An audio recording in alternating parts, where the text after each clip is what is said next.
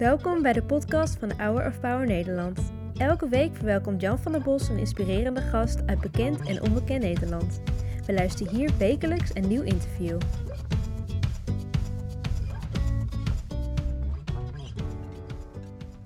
Zong dat prachtige lied I Will Rise on Eagle Wings. Wat eh, mooi als je op kunt stijgen als met vleugelen van een adelaar. Nou, dat doen jullie ook in jullie leven. Ja, toch een mooi voorbeeld is dat. hè? Ja, prachtig. Laten we eens even samenvatten, Astrid en Jaap. Studeren samen in het eh, Hoge Noorden, verschillende eh, universiteiten, Ze worden een beetje verliefd op elkaar, gaan verder met elkaar, komen terecht in Zweden vanwege jouw werk. Van Zweden gaan jullie naar China.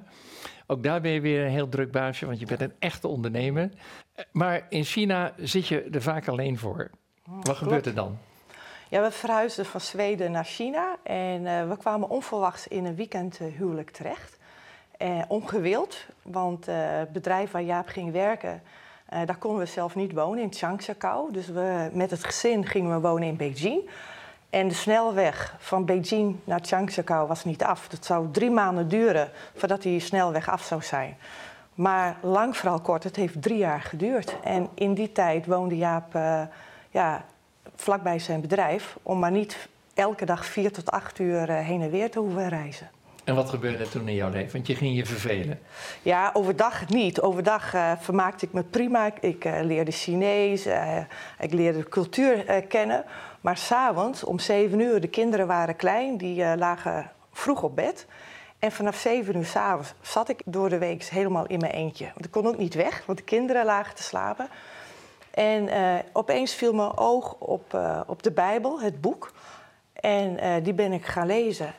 En ja, dat heeft me zo gegrepen. want Iedere avond opnieuw, hè? elke avond opnieuw. Ik had een ongetemde honger om door te blijven lezen. Want voorheen las ik de Bijbel uit plicht. En zo van, nou ja, het is goed.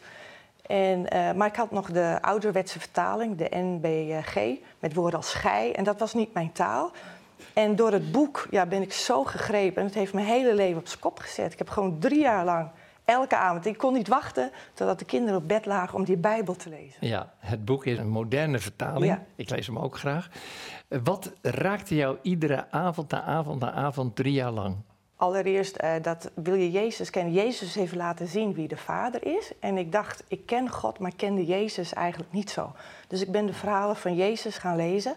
En ik, ik las ook dat de Heilige Geest je helper, je leraar is. En ik dacht, die Bijbel begrijp ik niet. Heilige Geest, help me. U, u hebt dit opgetekend door mensen. U bent de auteur. Leer me maar om het lief te hebben en het mooi te vinden. Ja. En, eh, en ik ontdekte steeds nieuwe dingen. Dan kom jij thuis eh, in het weekend, eh ja. Ja. En dan heb je een vrouw die zegt van... ik doe niks anders dan de Bijbel lezen s'avonds. Wat dacht jij toen? En het confronteerde me wel en ik, het irriteerde me wel. Ik, ik ergerde me daaraan dat het alleen maar over Jezus kon gaan. Ik denk, joh, eh, er zijn ook nog andere dingen in het leven. En dat was wel een eh, confrontatie voor mij. Soms verstopte ik de Bijbel voordat hij eh, thuis, thuis kwam.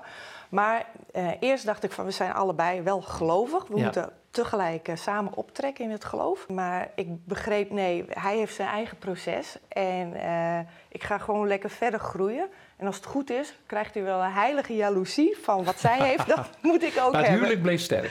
Gelukkig wel. gelukkig ja. wel. Ja, ja, ja. Het eerste wat er eigenlijk gebeurde in China was dat uh, Astrid zei van... Hey, ik ben overtuigd, ik moet me laten dopen.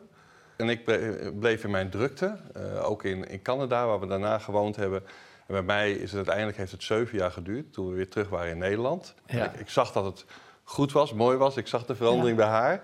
Dat ik wist van, hé, hey, bij mij moet het roer ook om. Ja. Ik- ik- Dan gaan jullie van Canada naar Maastricht. Het hoge noorden waar jullie opgegroeid zijn naar het uiterste zuiden. Ja. En daar worden jullie geconfronteerd met... Eigenlijk de nood dicht bij huis. ja. En toen kwamen we erachter dat er heel veel eh, dak- en thuisloze jongeren in Maastricht eh, waren. Honderden, hè? Ja. Ja, honderden. Dat, dat was al geregistreerd vanuit Ja. een onderzoek eh 2011. En dat was, vonden we echt shocking. Ja. Ja, toen zijn we heel naïef eh, naar eh, de wietboot, de Mississippi-boot, dan eh, de Maas gegaan. Van dan zullen ze daar wel ergens zijn. Maar, maar zo zit dat niet. Later kwamen we erachter dat eh, ja, die jongeren eh, herken je eigenlijk niet eens op straat. Ja. En toen dachten jullie van, hé, hey, wij zijn succesvolle ondernemers. We gaan een deel van ons geld geven om die jongeren te helpen. Ja, we hadden met vrienden van ons al een consultancy. Credo Consultancy heette dat. Ja. En toen zeiden we dan, wordt dat Credo Ministries. Eh, en gaan we Credo-huizen oprichten. Ja. Ja. Hoe was dat om je eerste huis te openen? Gewoon vanuit het hart. We zeiden eh, het opvanghuis, we, we willen ook geen instelling zijn, maar een opvanghuis moest een verlengstuk van onze eigen woonkamer zijn. We zeiden het huis moet er gezellig, uh, goed ingericht uh, uitzien, waar je zelf ook zou willen wonen. Want we hadden zoveel uh, andere huizen gezien waar, met afgetrapte spullen of heel koud en kil. En we zeiden dat willen we niet. Het moet een gezellig, warm huis zijn. En, ja, ook een eerste statement eigenlijk naar jongeren toe dat ze dat waard zijn. Ja. ja. Ja, dan ga ik even naar jou, Kimberly. Fijn dat je ook uh, hier bent. Je hebt ook een bewogen levensverhaal. Je bent in Venezuela geboren, Curaçao gewoond, Nederland terechtgekomen. Wat uh, was voor jou de aanleiding om in een credohuis terecht te komen? Want er Ja. ging best wat aan vooraf, hè? Ja, ja dat klopt. Eh, ja, ik woonde eigenlijk bij een vriendin. Eh, want ik dacht, ik verhuis van eh Curaçao naar hier naartoe. En ik kwam met mijn dochter. En uiteindelijk, het was een conspiratie. Achteraf dan gevraagd natuurlijk. Samenzweren. Ja, van wat ik dacht een vriendin te zijn. En mijn ex, zo van, we gaan naar buiten zetten. En op een dag, ja, dan ben ik gewoon buiten. En uiteindelijk ben ik gewoon gelijk naar de gemeente gegaan. Dus ik dacht van... Maar je stond gewoon op straat. Ja. En ik had het nooit eh, zien komen, want ja, zo'n slechte band had ik niet eh, met, eh, met hun. Hoe was die situatie om dan gewoon op straat te staan met, met, met een kind? Ja, mijn kind heb ik dan wel op dezelfde dag gewoon bij mijn ex dan gelaten, om, omdat hij dan meer stabiliteit kon bieden. En ik op dat moment kon ik dat niet doen. Ehm, dus op een gegeven moment stond ik wel gewoon alleen. Ik wist gewoon helemaal niet hoe het ging worden. En ja, dan kom ik gewoon ja, bij de gemeente terecht. En ze zeiden, ja, je hebt een afspraak bij Credo Huis. En ik dacht van, ja, dat zal wel, dat zal wel of zo. Ik was al psychologisch eh, aan het voorbereiden om een, ja, bij een, ja, op straat gewoon te blijven. ik was dat nooit geweest, maar ik dacht, ik bereid me gewoon mentaal en psychologisch voor. Gewoon, gewoon om onder een brug te leven in een portiek? Precies, ja. Ik dacht van, ja, als dat moet, dan Dan moet het maar. ja. Want ja, uiteindelijk bij de afspraak eh, gekomen en op hetzelfde moment eh, mocht ik blijven. Terwijl een hele wachtrij zit en ik mocht gewoon blijven. Ja, en toeval bestaat niet. Hè? Ja. Hè, dat er ook net een plek open was waar jij eh, eigenlijk direct eh, terecht kon. Ja. Ja. Ja, klopt. Je woont gewoon net als een student daar, alleen met begeleiders gewoon. Dus het was niet zo dat je binnenkwam en je moet jezelf aan de balie aanmelden of zo. Nee, je bent gewoon thuis. Ja. En dat was dus het gevoel dat ik kreeg en ja, daar voor tien maanden gebleven. Dus Wat, wat heb je daar geleerd in die, in die tijd? ik heb eigenlijk veel geleerd.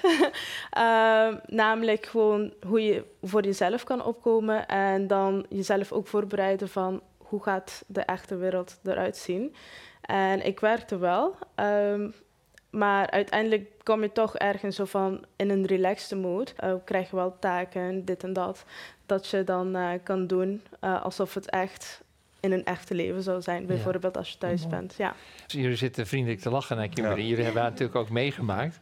Worden het niet eh, zonen en dochters als het ware van je, als ze onder jezelfde dak wonen? Ja. Ja. Ja? Ja, dat, dat, is, ja, dat is toch de familie. Hè? En jij komt er nog steeds regelmatig. Ja. En, en dat is gewoon het bijzondere. En eh, ik denk ook wat, wat je zegt, Kimberly. Hè? Er staat is geen uithangbord van, van opvangcentrum of zo. Het is gewoon een huis in een wijk. Ehm, en als mensen naar binnen kijken, dan gaan ze soms wel eens naar een studentenhuis eh, Ja. ernaast. Waar daar- rommel omdat is. daar een rommeltje is. Want dan zal dat het wel zijn. Ja. Ehm, ja, liefde, tijd en aandacht. Dat staat in het centrum van wat we willen doen. En we geloven dat dat dat... Liefde, tijd en aandacht. Ja. Dat is een Oude schaars begrippen, goed. Ja. Schaars goed. Ja, Welke bijbeltekst is leidend in jullie leven om dit te doen? ja, Ja, dat is eh, ja, onder andere Matthäus 25, waarin Jezus zegt: Wat je voor de minste hebt gedaan, heb je voor mij gedaan. En heeft u het over de naakten, de hongerigen, eh, de zieken, de vreemdelingen, de gevangenen. En, ehm, en eigenlijk ook wezen en weduwen. Hmm. En wij zeiden van: hey, deze dak- en thuisloze jongeren. Die zijn of hongerig of, of hebben geen kleding. Eh, die omvatten die hele groep eh, die Jezus benoemt. En we dachten, ja, daar willen we iets eh, voor gaan betekenen. Ja. Hebben jullie ooit gedacht, waren we maar niet aan begonnen, want er zijn nu eh, zes credo-huizen? Dus we hebben genoeg momenten gehad Ja? waarop we dachten, we, we stoppen ermee. Ja, Omdat het best wel eh, het is een eh, uitdaging is om het allemaal te doen. Eh, het kost een hoop. We zijn, zoals je zei, vanuit ja, onszelf en het bedrijf begonnen. Eh, maar er komt een hoop bij kijken. En, en, en, je zit met gemeentes en met andere dingen. Dus het is af en toe echt een worsteling. Ook om het gewoon financieel uh, uiteindelijk rond te krijgen. Dus uh, ja, dat, dat is een uitdaging. En soms denk maar omdat je weet dat het Gods project ja, is, hè? Dat, zo zijn we gestart. Het is van dan, God, dan kun je dat ook teruggeven. Zeg, Heer God, het is uw project. Ja. Ja, ik, laat het, uh, ik, ik, ik stop me zorgen te maken. Ja. En dan zie je eigenlijk dat dan de doorbraak Dat- komt. Je bent heel erg geneigd Ja, het is een het- keuze ook. Een keuze van... eh, Ja, wat is jouw Bijbeltekst die jou drijft? Eh, twee andere zijn Psalm 68, hè, waar staat dat God ook eenzamen een- in een huisgezin plaatst. Een prachtige Ja. tekst, ach- Psalm 68, vers 7. Maar ook, eh, ook Jeremia, 29, vers 11, bekende tekst. Hè, waar God zegt van, hey, ik heb je geluk voor ogen, niet je ongeluk. Eh, ik wil je een hoopvolle toekomst geven. Eh, en, en wat ook is, weet je, als je naar mij komt, dan kan ik een keer brengen in je lot. Ja. En, en die, die hangt ook in alle credohuizen. Ja. Hoeveel jongeren hebben jullie inmiddels een hoopvolle toekomst kunnen geven? Nou, aardig wat. Alleen Ja. al in Maastricht eh, over de 100 in Ja. eh, tien jaar tijd. Ja. En, eh, ja, en we beseffen, God vertrouwt ons toe, ons toe. We mogen tijdelijk met hun optrekken en dan mogen ze weer loslaten. Maar we blijven een relatie houden. Dus jongeren zijn altijd welkom en ze komen ook Hmm. om, als ze eenmaal uit het huis zijn, voor een kop koffie of mee eten. Ja. Ja. Ja, soms vragen mensen dan van, hey, hoe, ja, hoe gaan jullie dan om met nazorg? Hè? Want vaak Ja. is zo, ja, de jongeren vertrekken weer en, en dan? Hè, en dan, dan is onze wedervraag vaak, ja, hoe regel je dat in je eigen gezin? Ja. Ja, zo'n Ja, relatie. Want als die relatie er is, weet je, dan Ja. is ook altijd dat, dat, ja, die plek daar om terug te keren, even een kopje koffie te, te doen, eh, even mee te eten. Eh, of als je problemen hebt, gewoon eens even weer te sparren. Luisterend oor. Ja. Ja. Een van de dingen die jou bezighoudt, of jullie bezighouden, is dat er 150.000 jongeren in Nederland zijn die Ja. spoorloos zijn. Ja, dat is een onderzoek van, van CBS, 2015 al. Eh inmiddels is de situatie verslechterd. Eh, inderdaad, spoorloos spookjongeren noemen ze dat, vreselijke term. Eh in feite komt dat erop neer als je dus niet ergens geregistreerd staat, niet ingeschreven bent in een, in een woonplaats, eh, niet een opleiding, geen werk, geen uitkering, noem het maar op. Dan, dan weet dus niemand waar je bent. En, en dat zijn. Dat is toch verschrikkelijk? In, de, in dit, Verschrikkelijk. dit, dit, dit in dit land. land. Ja, in Gewoon dit zo land. dicht bij huis. Ja, Ja, ja, Ja. Bestaat wel. Ja. ja, ja, gek hè? ja. Zijn jongeren aan de buitenkant zijn het gewoon eh, normale jongeren, zoals elke tiener of eh, jongvolwassene. En, eh, maar missen een thuis. Niet alleen een huis, maar ook een thuis. En door omstandigheden zijn ze op straat terechtgekomen. Het wil niet zeggen dat ze dag en nacht op straat leven, maar ze noemen het ook wel bankhoppers. Ze, Ja. ze, ze gaan van het ene huis naar het andere een weekje hier logeren. Bij een tante, dan een weekje bij een vriendin. Dan misschien een, een, een kennis. Of op straat, of zelfs in auto's. Dat zou je niet verwachten, maar ze slapen ook in auto's. Ja. Wel Ja. mooi dat jullie dit doen. Eh, ik ga even wat ik wel leuk vond, want jaren geleden stuurde je me een, een aardige brief met dit boek. Ik, dan zie je wat ik hem niet. eh, Je hebt hem nog. ja, ik heb hem nog. Je bent jarenlang stewardess geweest. Ja. Eh, en ben ik je wel eens tegengekomen aan boord met Martinelli of niet? Nou, Ik heb geen indruk gemaakt. Oké, jij schrijft dit. En daar moet je toch iets over vertellen. Je kunt je leven vergelijken met een vliegreis. Jezus nodigt je uit om samen met hem aan boord te gaan. Pak je koffers maar in, je reis begint. En wat neem je mee? In je levenskoffer kun je heel wat bagage kwijt. Maar te veel is ook niet goed. Welke overtollige bagage laat je achter en wat is jouw bestemming? ja. Wat bedoel je daarmee? Nou, eh, als we Jezus aannemen als onze persoonlijke redder, dan, ja, ik zeg altijd, dan begint het avontuur. Dan word je een discipel van Jezus, dan mag je hem volgen in zijn voetsporen. Maar ja, wat kom je onderweg allemaal tegen op je levensreis? En ehm, daarnaast, we hebben gewoon de opdracht om Jezus te volgen, dezelfde dingen te doen als Jezus. En het koninkrijk gewoon in ons dagelijks leven zichtbaar te maken. Maar vaak vinden we dat lastig. En ehm, ja, dat kan ook te maken hebben met dingen die je nog mee als ballast uit je verleden meedraagt. Maar eh, ja, dat mogen we bij Jezus brengen. En Ja. hij kan alles recyclen ten goede. Wauw, dat is een mooie. Heb jij Jezus ook beter leren kennen doordat je bij Credo terecht bent gekomen? Ehm, ja, Jezus, Jezus en God was al in mijn leven. Ik heb hem wel natuurlijk leren kennen en gelijkgestemden leren kennen, dat wel. En, en ik ben nog steeds blij ermee. Want ik had niet eens gedacht dat hier in Nederland dat je zoveel mensen toch in God geloven en dat je überhaupt een credohuis hebt. Uh, dus ja, dat was voor mij wel gewoon ja, heel mooi om te zien. Jij bent heel ambitieus, hè? Je hebt een droom. Wat is je droom? Mijn droom is uh, mijn eigen cosmetica lijn dan uh, volledig starten, ja. Voor dames of voor heren? Ja, allebei. Allebei? Nou, ja, allebei. Ik, ik, uh, het is belangrijk ik, dat man ook... Uh, kom ik graag langs. Oké. Okay. Je hebt een hele moeilijke tijd achter de rug, maar dat heb je achter je gelaten en je kijkt vooruit. Hoe kijken jullie vooruit? Wat is jullie droom? Begin jij maar. Nou, onze droom is dat er uiteindelijk geen uh, jongeren meer ja. dak- en thuisloos zijn. En... Ehm, dat, dat credohuizen uiteindelijk niet meer nodig zijn. Maar tot ja. zolang het nodig is, uh, ja, blijven we dit voortzetten. Ja. En willen we ook, ook een stem zijn voor de jongeren. Ja. Inmiddels hebben jullie vele honderden jongeren opgevangen en dat doe je nog steeds. Vier opvanghuizen van Credo in Nederland en twee in België.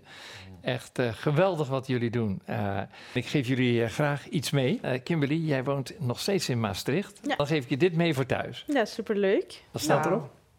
You are so loved. En dat is zo waar. Ja. Dank je. En dan hebben we inmiddels, uh, als het een nieuwe weekplanner van Hour of Power voor 2023. Ik zag een hele mooie, mooie uitspraak voor jou. Komt een van uw wijsheid kort, vragen God erom en hij die aan iedereen geeft, zonder voorbehoud en zonder verwijt, zal je wijsheid geven. Geweldig. Ja. Ja, ja. Mooi. zo waar en uh, zo toepasselijk dagelijks. Dank je wel. Nou, met liefde. En uh, jij, vriend, krijgt het boek Houd Moed, Geloof in onzekere tijden. Kun je 365 keer per jaar Wauw. openslaan. Geweldig, Alsjeblieft. dank je. Hartelijk dank. Heel mooi. Super. Heel fijn. En we gaan luisteren naar een lied dat je elke berg kunt beklimmen als je geloof hebt dat geen bergtop te hoog is. Bedankt voor het luisteren naar het interview van deze week. We hopen dat dit verhaal jou heeft bemoedigd. Wil je meer weten over Hour of Power of andere interviews bekijken? Ga dan naar www.hourofpower.nl.